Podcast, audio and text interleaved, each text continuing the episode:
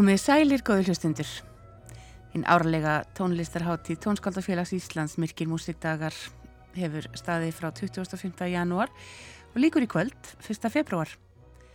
Á háttíðinni hefur verið bóðið upp á ímislegt spennandi eins og svo ofta áður og meðal annars var flutt verk Kristínu Þóru Haraldsdóttur Blóðhópnir sem hún byggir á samnendu verki Gerðar Kristnýjar sem kom út árið 2010 en þar yrkir gerður Kristni um jötunum eina gerði Gimistóttur sem skýrnir skósveit Freys sótti til jötunheima handa húsbonda sínum.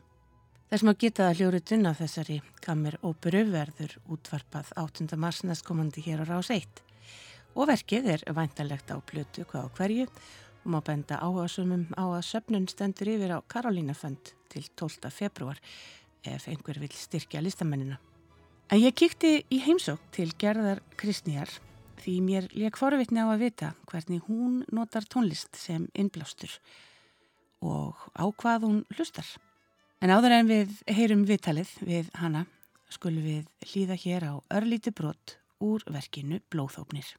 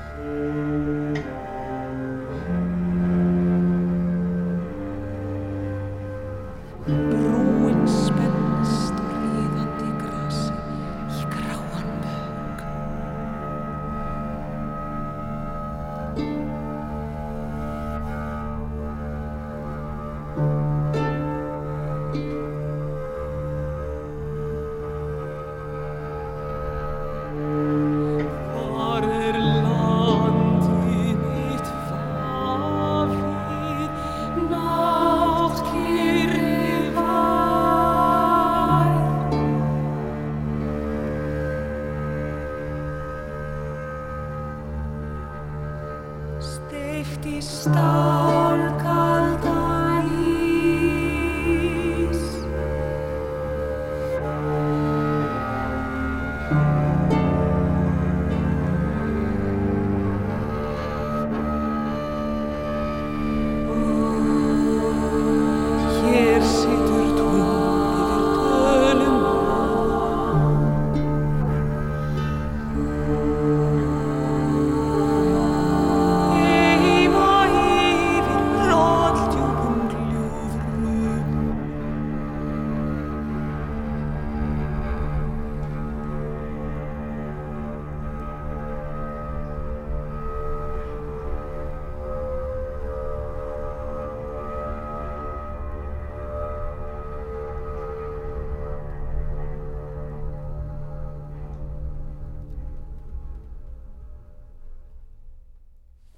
Gerður Kristni, eh, dætt þér einhvern tíman í hug að þetta yrði að uh, tónverki?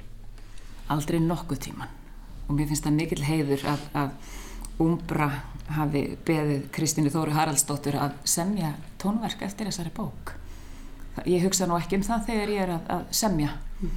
en ég hlusta mikið á tónlist sjálf þegar ég er að semja og ég smelli þingurum í takt og, og reyni að, að láta textan hljóma þannig að hans er fallegur í upplestri einhver tíman var maður náttúrulega bara að semja ljóð sem var ímyndað sér að fólk sæti með bara bókina í kjöldu sér og læsi eitt í friði en nú undanfærin áratug hefur við verið búið á svo marga ljóðaháttíður og, og ég beðin um að lesa svo mikið upp viða um heim að, að ég er farin að, að ímynda mér, ég sé það fyrir mér þegar ég er að semja, að ég er eftir að standa á sviði og flytja þetta og þetta verði að hljóma vel.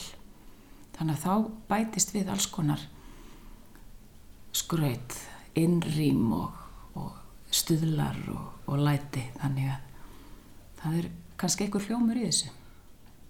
Hvernig upplifin er það fyrir, fyrir skald sem að hérna að fá allt í einu uh, svona nýja vitt inn í sitt verk og finnst fannst þér þetta bæta við? Já, þetta verður bara annað listaverk og þetta þjóð svona út úr höndunum á mér ég bara set út í sal og nýt þess að hlusta og ég er nú ekki tónlistarmentuð en, en mér finnst þetta verk Kristina Þóru vera eins og það á að vera mér finnst það, mér finnst þetta, við fannst þetta þegar ég heyrði þetta fyrsta listahátt í 2016 alveg óskaplega fallegt. Svo fluttuðu við þetta í New York á Mata-háttíðinni í fyrra og kannarnir voru óskaplega glæðir með þetta þannig að það var mjög skemmtilegt. Þannig að það er líka áhugavert að geta spila þetta í útlöndum og heyra áhrifin sem þessi gamla saga, þetta gamla ettu kvæði um, um frey og, og gerði gemistóttur hvað áhrif og þessi saga hefur á, á fólk um viða veröld. Þetta er ekki eina verki sem hefur fengið svona framhalslíf? Nei, uh, Blóðhófnir verður líka fluttur, það, er til sænst verk eftir Karin Rehnqvist sem var flutt í Gautaborg í fyrra og nú verður það flutt í Stokkólmi í næstu viku. Ég ætla að fara og hlusta, ég hef ekki heyrt það, þannig að það, allt, það, það er líkast til allt öðru vísi. Tótt að það sé líka sungið af konu, rétt eins og verk Kristina Þóru. Þannig að ég hlakka mikið til og drápa hefur líka verið hefur líka verið saman tónlistu drápu það var tónskáldið Helgi Rafn Ingvarsson sem samti tónverk við drápu í fyrra og við frumfluttum það í, í London. Poet in the City eh, leti okkur Helga saman og hann samti verk og, og ég mætti bara á æfingu þarna í, í, í gamalt revíuleikús í London og heyrði þetta í fyrsta skipti nokkrum klukkutímum áður en við fluttum þetta. Og breytanir heldur náttúrulega að þetta hefði verið mjög náið samstarf og voru mjög hissa þegar ég sagði mér ég heyrði þetta bara fyrir nokkrum klukkutímum og æfiði mig hérna. og finnst þetta bara fínt.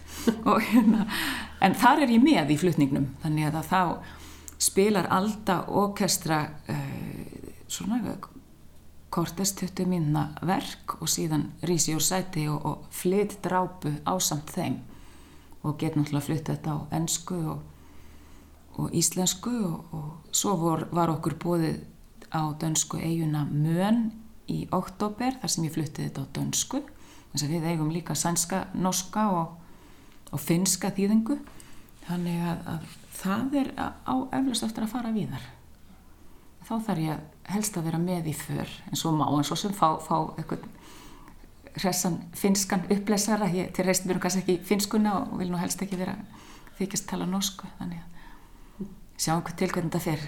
Og ég leifi það alveg. Það er bara nú, þetta er, þetta er á, sér verkefni og hérna og, og hérna ég þarf ekkert að vera með. Nú er það bara þannig að þetta er náttúrulega eign Helga Raps og, og Kristina Þóru, þeir, þeirra tónverk þannig að þau gera bara það sem þau vilja. Ég óska þeim bara velfarnaðar og þessum verkum í þeirra höndum. Maður treystur öðrum listamönnum fyrir verkunum, verkunum sínum og vonar það besta og það er indælt. Blóðhófnir er náttúrulega þannig hestur, hann, hann er fleigur hann fer heima á milli, hefur alltaf gert. Þannig að hérna ég hef ekkert yfir honum að segja En tölum aftur um þig þegar þú ert að skrifa og þegar þú ert að ímynda þeirra um, þetta hljómi vel eins og þú segir um, þú sagði mér að þú, þú býr til eins konar svona hljóðmynd Já. í skriftum þínum En svo sá ég á Facebook status að þegar þú hafi verið að þú varst að hjáta það hérna, að þegar þú skrifaði blóðöfni hafður þú mest hlustað á Rihannu. Já og gott að hlusta poptónlist. Þar fær maður taktinn. Ég hlusta á allskins poptónlist á meðan ég sem ljóð. Og ég vel stundum sömu, eh, eitthvað eitt eða tvö poplög og, og síðan hlusta ég á þau aftur og aftur og aftur.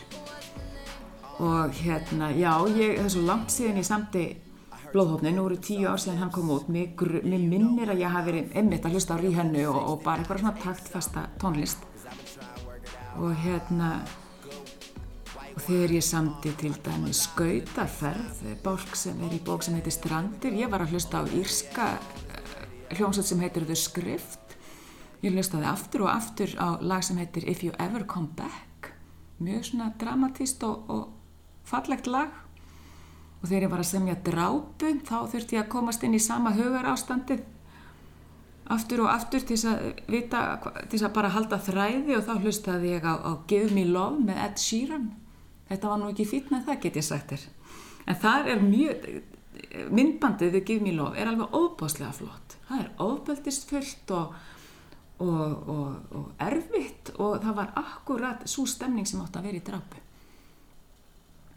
það sem fjallar um, um eða, það, það er fjallað um, um sannsögulegt morð sem hérna, var framið á, á klappastík þannig að, að það var algjörlega við hæfi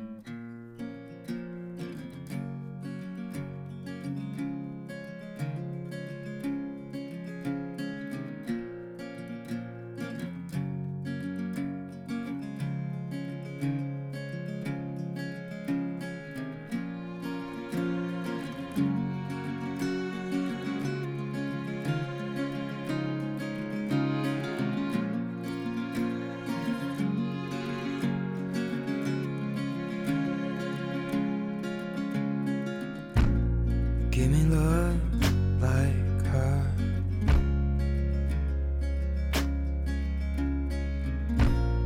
Lately I've been waking up alone.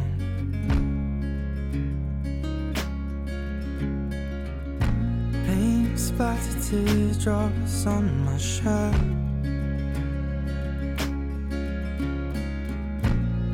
Told you I let them go.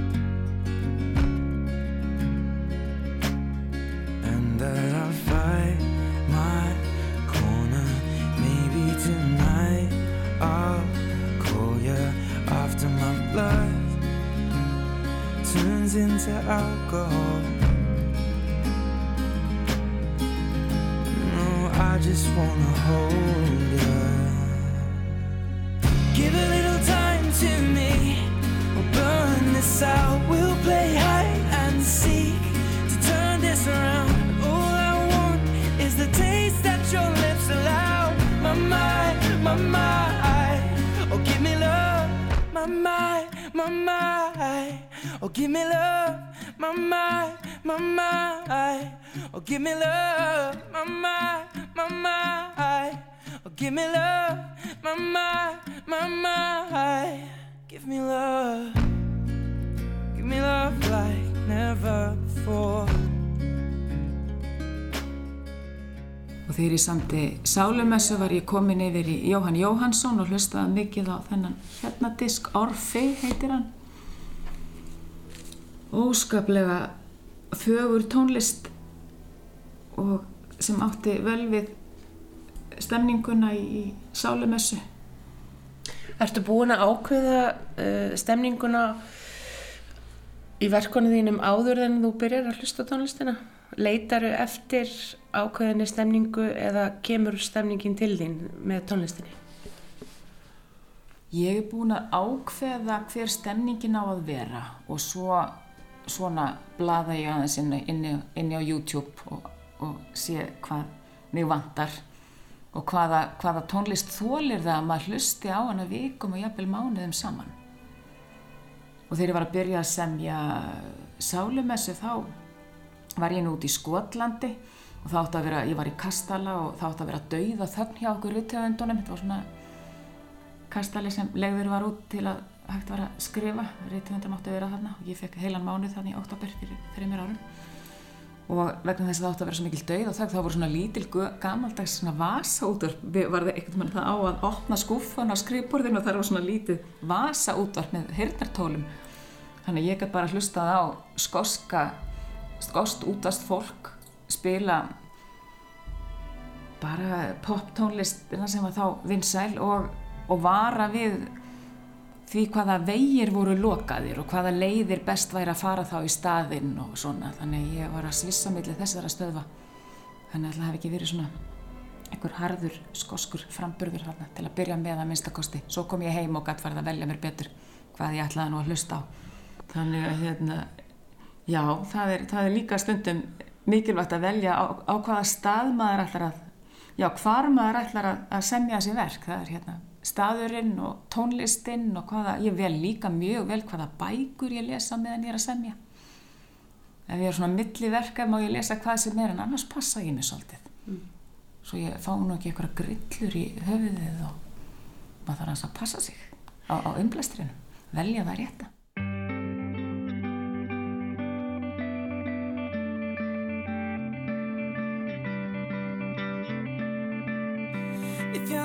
With your suitcase, but you can't step on the train. Everything's the way that you left it. I still haven't slept yet. And if you're covering your face now, but you just can't hide the pain. Still setting two plates on the counter, but eating without you. If the truth is you're a liar,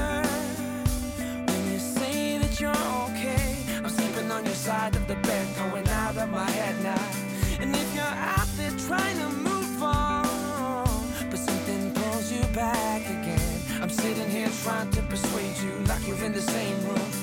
And I wish you could give me the cold shoulder. And I wish you could still give me a hard time. And I wish I could still wish it was over. But even if wishing is a waste of time, even if I never cross your mind. I'll leave the door on the latch if you ever come back, if you ever come back. There'll be a light in the hall and the key under the mat if you ever come back. There'll be a smile on my face and the kettle on, and it will be just like you were never gone. There'll be a light in the hall and the key under the mat if you ever come back, if you ever come back now. Oh, if you ever come back, if you ever come back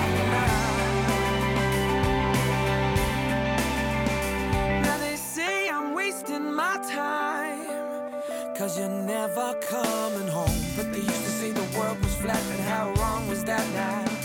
And by leaving my door open I'm risking everything I own There's nothing I can lose in a breaking That you haven't taken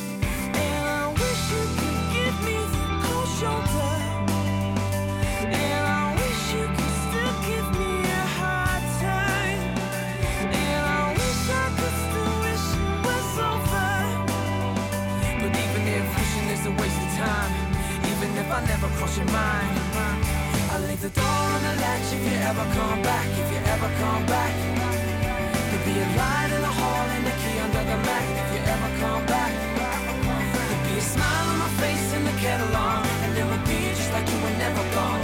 There'll be a light in the hall and a key under the mat if you ever come back,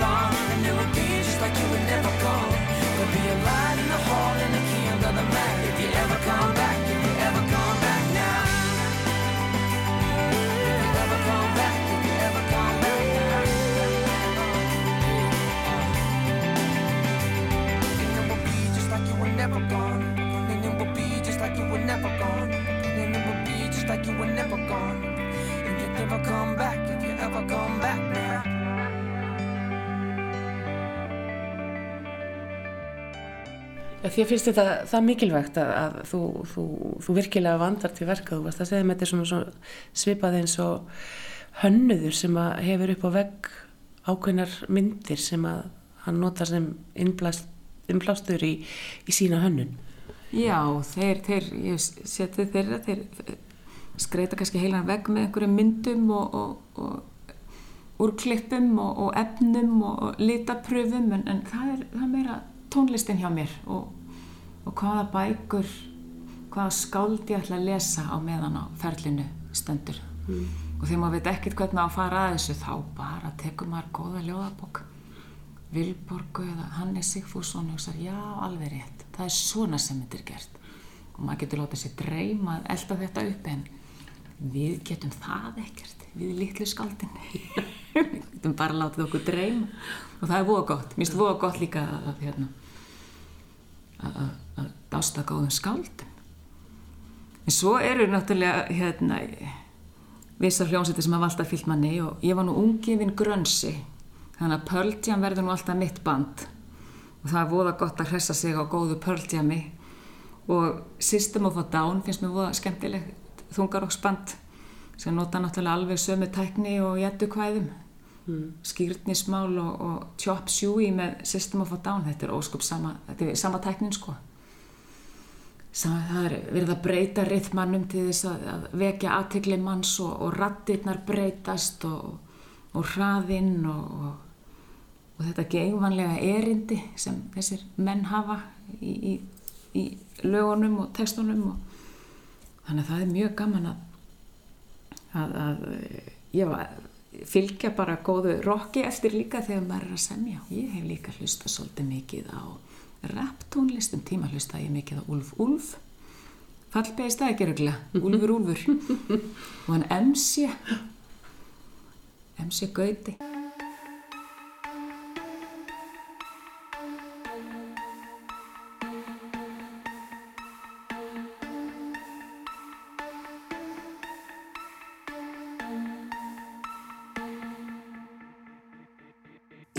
rúðarinn Fram og aftur búmerinn Greitir lokka múa mig Takturinn er rúðarinn Sitt við stýri súma ger Svipurinn á sólander Pötaland til Júpiter Tíkja Gulliver Þetta er dóp, ekki djók Þekki fólk sem þekki fólki Frenda gegnum megafón. Melankólískur og sljóð Þetta verður harður vetur. Harka meir en svarti pétur Taka meðul, talum veður. Blæða bara um sagan selur Skítur sem að bræðir af. Ríkir verða það alltaf Stundum síður mamma ísu. Þá þarf bara að tapa það Ég sekk án mótspyrnu og vann í svarta hafið Ég er sætasta stelpan á þessu sveitaballi. Allir vilja tala. Heyrist ekki neinum Ég ber nega kalla. En þetta er náttúrulega svolítið rapp hjá þér, er það ekki? Stundum. Og stundum þegar maður ímynda sér að maður hafa ekkert að segja það er hóða gott að hlusta á allskins erlend rapp ungir menn sem standa í fætutna fullir sjálfströst og riðja upp úr sér texta á þess að eiga nokkuð sérstakt erindi þá getur maður alveg hugsað með sér að þetta verður nú kannski ekkit svo sérstaklega slemma hjá manni sjálfum þannig að það er svona mísand eftir hverju maður er að leita En ertu aðlæta á, á tónlist? Svona, finnst þér ferðu alveg þvert á stíla? Já, ég geri það nú ég er nú kannski ekkit mikið í ykkur svona tilrauna tónverkum. Ég get nú ekki sagt, ég get nú ekki státa mig að því. Og ég ég minna Jóhann Jóhannsson sem var náttúrulega mikið í umræðinu eftir, eftir fráfall hans. Ég stökk á hans diska og, og þeir, tónlistan hans hefur gefið mér mjög mikið og nú er ég að hlusta á Hildi Guðnadóttur meðan ég vind mér inn í næsta verk. Uh, ég er að hlusta á tónlistina úr Djókar og hún er alveg svakaleg þannig er einhver ægilegur taktur sem ég átta mig ekki á hvort að eru, eru klukkuvísar eða, eða svipuhögg. Ég er alveg orðin skítrætt við að fara úr lópapeisunni ég vissum að rákirnar eftir þessi högg blasi við mér hérna ef ég kík í speil Þetta, svona getur góð tónlist haft ægileg áhrif að mann. Það bara áverkarnir sjást lengi á eftir. En já ég er ekkert að uppgötu eitthvað eitthvað flippað og frábært sem engin annar er að hlusta og ég get ekki monta mig af því. En hérna mér langar líka til að tala um hérna að segja frá því að Jóel Pálsson hann samti óskaplega fallegan djastisk Dagar koma og gaf út fyrir tveimur árum. Ég er mjög stolt af að eiga tvö ljóð þar, ættjarðarljóð og ægisíðu. Þannig að, að það eru svona stöku tónskald sem hafa samband. Ingibjörg Asíma hefur líka samið fáinn lög við svona stök ljóð eftir mig. Og Bára Grímsdóttir og ég við eigum Sálm sem er stundum leikin í kirkjum, heitir Vanghaf þannig að það er svona eitt og annað. En hvað ef að, eh, sko, ég veit að Bára Gríms, að hún samti sálminn við ljóðið þitt. Hvað ef að þú fengir tónverk í hendur og þyrtir að semja við texta? Hefur það ekkert um að gerst? Ég hef verið beðinn bæði um einhverja svona stuttar óperu, stuttar óperuteksta og, og líka hef ég fengið lög send, það verið eitt þórað að prófa það, senda mér lag og segja, getur þú samið teksta við þetta? Vistu, ég geta það ekki. Ég hef afþakkað þetta. Ég er bara ekki nógu klár. Og þegar ég átti að fara að semja svona pop teksta, þá einhvern veginn var ég bara komin inn í alla þessa popteksta sem maður kann. Og ég var einhvern veginn farin að endur semja bara allt sem ég hef heyrt með Magnúsi Eiríksinni og hvað er nú að heita þessir, þessir hérna Íðun Steinstóttir og við langaði bara til að semja aftur býtu pappi býtu mín mér dætt ekkert í hug sérstakt. Mér lág ekkert sérstakt á, á hjarta og ég átti að vera að snögga þessu. Það fylgdi líka beðninni og nei, viðst að ég er ekki snögga neinu. Það er bara ekki þessu að minnstakosti ég get verið snögga að henda þvotti í þvottavél og en, en ekki að semja texta þannig að ég nei En ég fæ nú stefgjöld ennþá fyrir ballið á bestastöðum. Ég á nú helmingin af, af þeim textum sem voru samir fyrir verk þjóðleikúsins á, við eigum helmingi þessu textu, textunum til, saman við, við Bræi Valdimar. Þannig að hérna, já ja. þetta er alltaf forvitnilegt en, en nei, ég get ekki samið, fengið lög, send og átt að semja og, og semja eitthvað sniðut. Ég, það er ekki fyrir mig. En er, það er alveg velkomið að taka hins vegar ljóðin mín og og semja eftir þeim. Þannig að uppsprettan verður að koma frá þér. Já.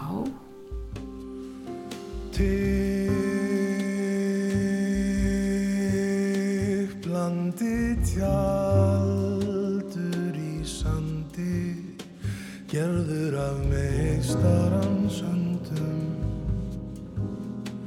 eins og þú og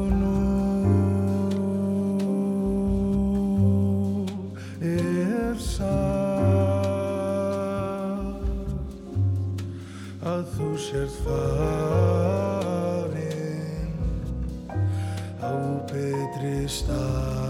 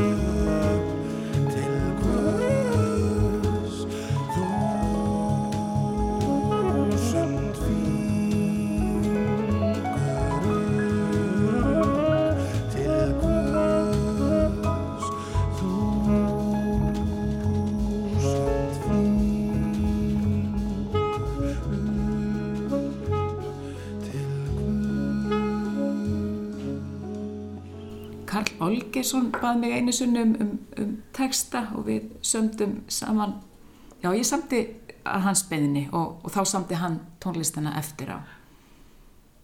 Þannig að, að já, það er, það er best. Ég er kannski bara ekki nógu músikalsk. Fegstu tónlistar uppeldi eða lærður einhver tíman á hljóðfæri?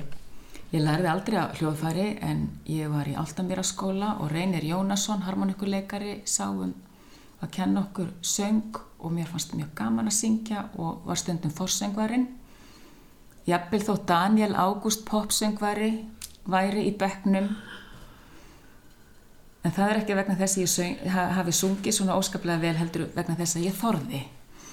þannig að það hefur örgulega verið einhverju betri þarna sem henduð, henduð fyrir þetta en, en mér fannst líka bara gaman að læra texta þess að ég lærði þá voðalega fljótt og svona kvæðin sem við vorum að syngja þannig að ég þetta bara svona áhugið minn á, á ljóðum og kvæðum sem var til þess að man, manni fannst gaman að syngja.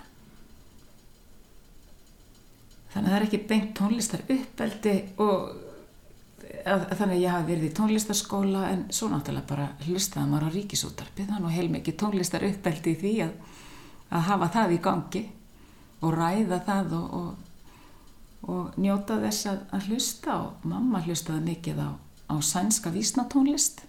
Fred Åkerström það, það er ennþá minn maður sko.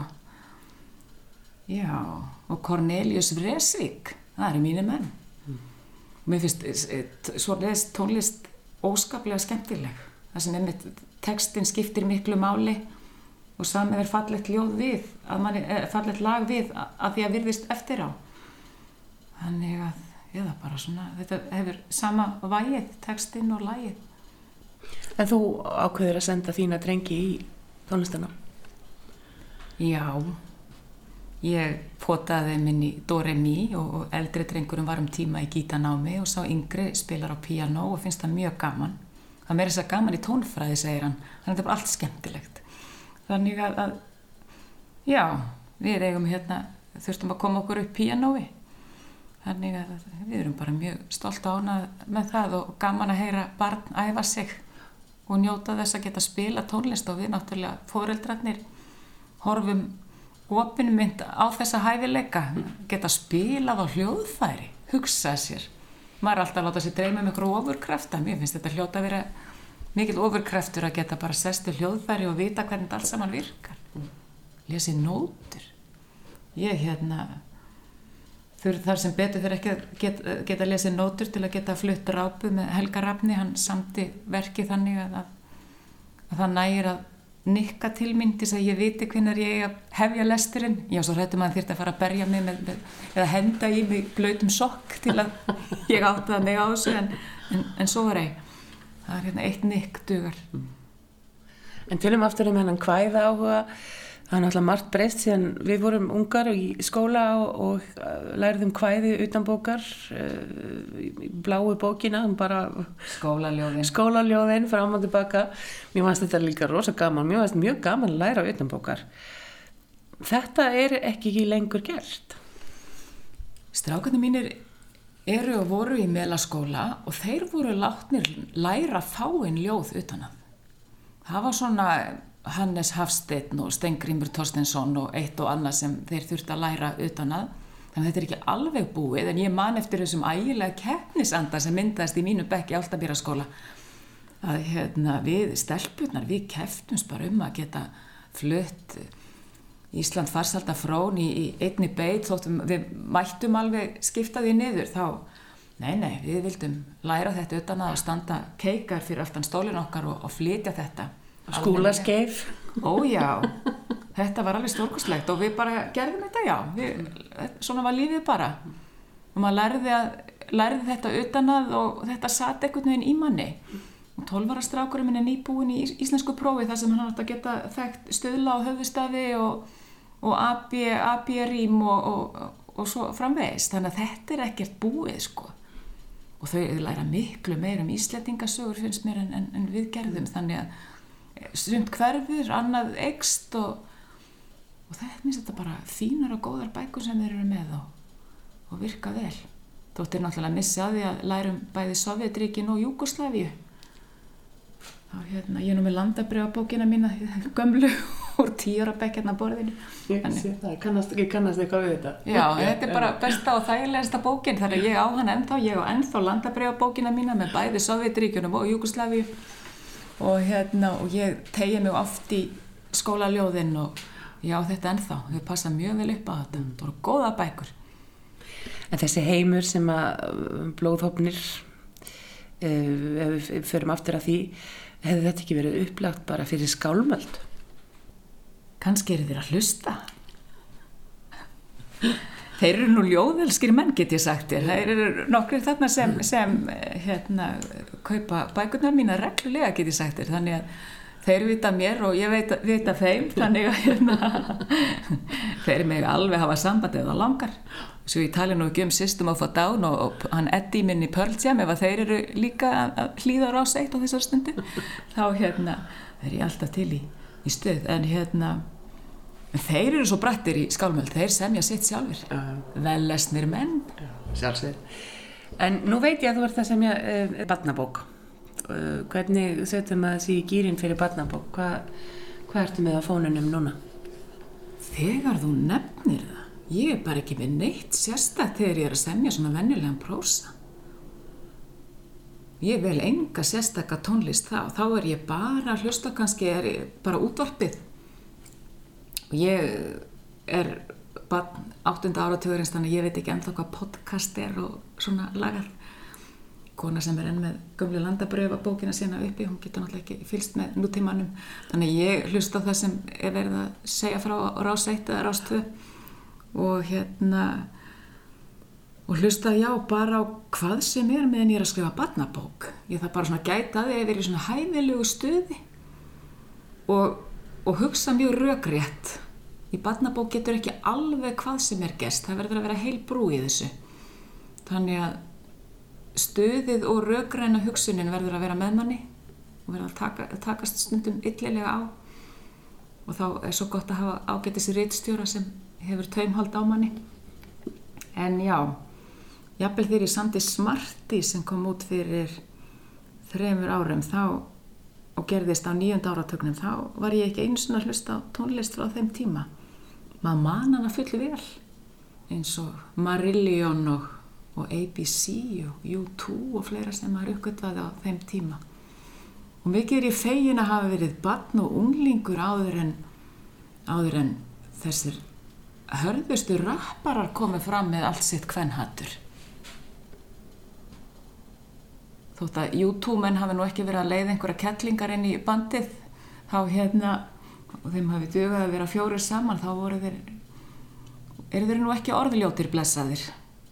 En hérna einhvern tíma var, voru við að læra síni mínir við eldúsborði við vorum að hlusta okkur á popstuð og svo kom rappla með okkur á ægilegu orðbræði en við vorum svo betur fyrir með nammiskáli. Ég sagði strákum þetta væri bara svo drikkjuleikur bara hver skipti sem maðurinn í útvarpinu vændi konurnar í lífi sinu um, um, um að selja líkama sína eða kalla þar einhverju ljótum nöfnum eða þurft að hafa uh, mikil orðum kynferðismög þá mætti þeir fá sér namm úr skálinni. Og þannig leið það síðdegi Og úr var þín besta skemmtun? ég segi það, maður verður bara að gera þá líka svona hérna, meðvitað um hvað, hvað dýnur yfir það og vera svona gaggrínir á það sem maður er að hlusta. Svona áður um að fyrir að taka undir með býstna skemmtulegu lægi og uppgötu að síðan eftir á að býtu hvað er ég að segja hérna? Þess að þetta getur nú verið hálf hróðalegir textar. Namið, namið hefur vantilega klárast eða hvað? já þetta var alveg þannig lag getur þér. Í staðan fyrir að standa bara upp kurtislega og slökka þá bara jægastrákar svona er líka sungið en, en já við tökum kannski ekki undir. Manstu eftir einhverju svona mm, tónlistalegri upplifun gerður? Eitthvað svona sem þú getur sagt okkur frá? Eitthvað svona sem að hefur fleittir inn í aðra heima. Maður var svo móttækilegur þegar maður var á unglingsárunum hvað þegar maður hlustaði á tónlistina úr Betty Blue svona, hvað, hvað hún jóka hughrifin og áður maður vissi að var, var maður búin að skrá sig í frönsku í háskólanum og, og ímyndaði sér að lífið yrði bara eins og í Betty Blue þar sem fólk ólmaðist berrasað um eða eða stakk fólk með gafli í handarbakið í, í verstu skaponsku köstunum. Ég hef nú ekki séð þá mynd í marga áratugi, ég þóri það varla. Ég finnst hún er ekki alveg brífandi kannski núna og í, er í minningunni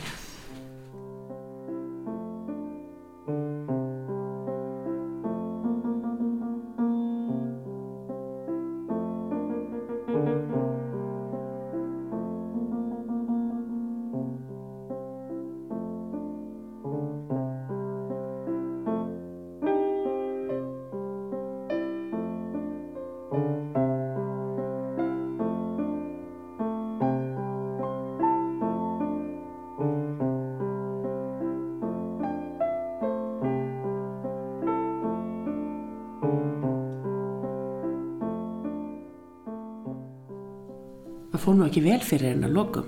Nei, nei, nei, var hún ekki kæð með kotta? Það er nú svolítið leðilegt. Þú veist einhvern veginn eins og hún hafi stungið gaflennum bara í augað á sér, var það ekki þannig? Já, eða það. Þetta er á fróðalegt að ég muni. Ég man bara eftir henni veikri á sjúkrahúsi og svo kom kærastinn í heimsókn og kæði hana með kotta. Einmitt. Já. Svona var þetta. En það var til þess þá að þú fókst í franskuna og þú kláraði hana, var það ekki? Jú, jú. Og ég, ég man bara, maður var að hlusta þessa tónlist heima hjá sér. Ég man eftir, ég, ég var, hef alltaf verið mikill aðdáðandi Kate Bush og ég man í verkvællinu mikla, hvað var það, 84, þá gæti maður lesið, hún alltaf lokaði engar útastöðvar, einhver laumu útastöð og, og engin blöð kom út en maður vissi að hún var í efsta sæti á breska listanum með Running Up That Hill og maður gati ekki heyrt lægið. Það var ekkert útarp í gangi og, við gátum ekki heyrt þetta lag sem var orðið svona ægilega vinsalt í Breitlandi og ég man eftir þessari ófreyju bara hvernig hvernig fæ ég að heyra þetta nýja lag með Kate Bush? Alltaf einhvern veginn svona flóknara og tók lengri tíma þarna nýjönda áratögnum En mannstu, hvað gerðist þegar þú heyrðir það? maður fjárfesti bara í plötina lokum og, og varð enn meiri Kate Bush aðdáandi. Þetta var alveg dásamlegt og hún er það hún er alveg indisleg tónlistarkona og hérna og þegar Kramhúsið skiptir út Beyoncé Dunsonum og fyrir að bjóða upp á Kate Bush jazzballettin þá er aldrei að vita nefn að skráa sig til að læra eitthvað, eitthvað af þessum þurrdur reyfingum sem hún er með í öllum vídeo já, já, það eru svona tónlistamenn sem hafa alltaf fyllt manni eins og, eins og hún. Það er kannski ekki mjög líklegt að þeir fara að gera það í kramúsinu nema það að þeir sé, einhver sé að hlusta ég veit það ekki. Hvort maður þyrði hvort þið er. Hvar í góðan jazzballett samfesting og, og láta vaða. En hérna já, svo náttúrulega kom stöku, stöku hljómsveit hingað og hjælt tónleika. En ég, ég finnst einhvern veginn best að vera heima hjá mér að hlusta á tónlist. Ég er bara þegar svona standa í þvögu ég er á, í lögatarshallinni ég er á lítil í þetta ég sé ekkert ég var á David Bowie tónleikonum ég sá hann aldrei sko. Þannig að þóttu maður, maður haldi að maður er með líði eins og ég hafi farið á tónleika með hann þá bara einhvern veginn hefur það glemst svolítið. En ég fór á Hróaskeldu árið 2000 til að sjá Jam. Þar var það ægilegt slis átt að manns tróðust undir þarna á tónleikonum og þannig að þetta var nú freka darbulegt en hérna þannig en ég og mér reyndar alltaf þann draum að fara aftur á Hróaskeldu og, og og hérna njóta þess. Förum aftur í ljóðin og um, ljóða upplestur þú varst að segja mér það að það er svona já það er orðið vinsælt að blanda þessu saman að tónlist og ljóðum. Segðu mér að svona hvernig, hvernig, það, hvernig það lítur út fyrir þér Já, fólk er alltaf að leita einhverjum nýjum formum og, og bókmyndaháttir eru óskaplega vinsælar. Það er alltaf verið að tala um að bóklestur sé að minka og það dræjur bókasölu og svona en bókmyndaháttir eru óskaplega vel sótar og ég var á einni í fyrra á dönsku eiginu Mön, þar er bókmyndahátti sem heitir Verdenslitteratúr og hefur verið í 20 ár þeir bjóða bara einum höfundi í einu byrjuð á Günter Grass og fóru síðan yfir í Murakami og síðan liðu árin og einhverjum fannst koma í tími á mig. Og hérna þar spiliðum við alltaf orkestra bæð á laugadegi og sunnudegi drápu músikina og fluttum ljóðið. Og fólk var hrifið af þessu vegna það er ekki mikil slagsmála milli textans og tónlistirinnar sagði það. En þau hafði einmitt reynd að hafa skálsagnahöfund og hljómbórsleikara og það hefði verið bara svona ágætt. Og svo hafði einn höfundurinn geta sjálfu spilað á píjánu og það hafði hafði þeim þótt búa gaman. Þannig að þau voru búin að þau hafðu reynd eitt og annað. Þannig að það var gaman að heyri þeim og, og, og svona hva, hvað þeim fannst hafa virkað. Og svo hafa náttúrulega ljóðskáld, norsku ljóðskáld eins og Jan Erik Vold spilað með, lesið upp með jazzistum og maður getur svo sem ímynda sér að það breyti ímsu textanum, hvort að það séu hvort að endur tekningar eða hvað, hvað. þannig að, að ég get ímynda mér að textin breytist ef maður er vanur því að, að vera með jazzista við hliðin á sér að maður bæti við línum eða taki út eða eitthvað álíka eða kemst ykkur reynsla á þetta spilir í. Og Þannig að verður meiri spunni í skáldinu. Já, ég get alveg trúa því að, að textin breytist svona í takti músikina og ekkur tíman, já fyrir svona þreymur fjórum árin þá var ég á bókmyndaháttið í Stavangri þar var Lars Sopi Kristensen með kollega sínum og þeir höfðu tvo ramaskítaleikara með. Það var mjög flott mjög æðið dagskrá þar sem þeir lásu til skiptis undir gítaleiknum eða gítaleikaraðnir e, eh, spiliðu einir og sér þauðlæft og mjög flottur klukkutími alveg óskaplega forvitinlegt að sjá þetta. Við erum kannski ekkit mikið í þessu Íslendingar. Við erum meira svona bara að hamast í jólabokaflóðinu og, og lesa upp í okkar tíu mínútur eða tuttugu. Og hérna og þannig komist við af en, en hérna þetta er líka mjög skemmtilegt. Man kannski hægt að prófa nú liggur sálumessa hér að nú upplagt að gera eitthvað við hana, ekki satt? Væri... þetta er nú eiginlega líka sko, tónverk eða tónform á tónverki. Mikið rétt. Það væri mjög forvitilegt og þannig eru náttúrulega svona endurtekningar sem bjó, bjóð upp á einhver musikalsk stef. Þannig að já, já, maður veit aldrei hvað gerist. Þannig að blóðhófnir var, var orðin 6 ára 6 eh, ára hross segja þegar, þegar fyrst var samið verk eftir honum. Þannig að þetta tekur oft tíma að gerjast hjá fólki hvort þetta eigi erindi í eitthvað og þannig að nú allt í hennu brestur á með miklum tónverkum og það er mjög gaman. Þetta tók tíma. Heldur þú smitist af þessu? Heldur þú farir að hugsa meira núna hmm, kannski fá ég tónlist við þetta eða Nei, ég held nú ekki. Ég finnst það nú ekki, ekki líklegt. En hérna, nei, nei, ég held bara áfram að semja og held mínu strikki og... Og búa til þínar eigin hljóðmyndir?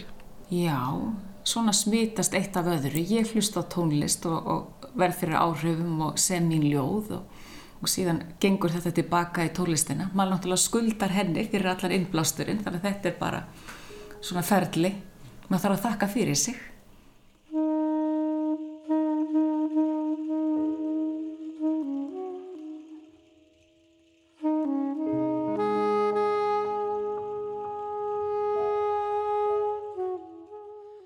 Já, ágættu hlustundur, ég þakka gerði Kristínu kærlega fyrir spjallið. Við ljúkum þættinum í dag á lægi Jóels Pálssonar við ljóð gerðar ættjarðarljóð. Það er Valdimar sem syngur. Þánga til næst af það sem allra best.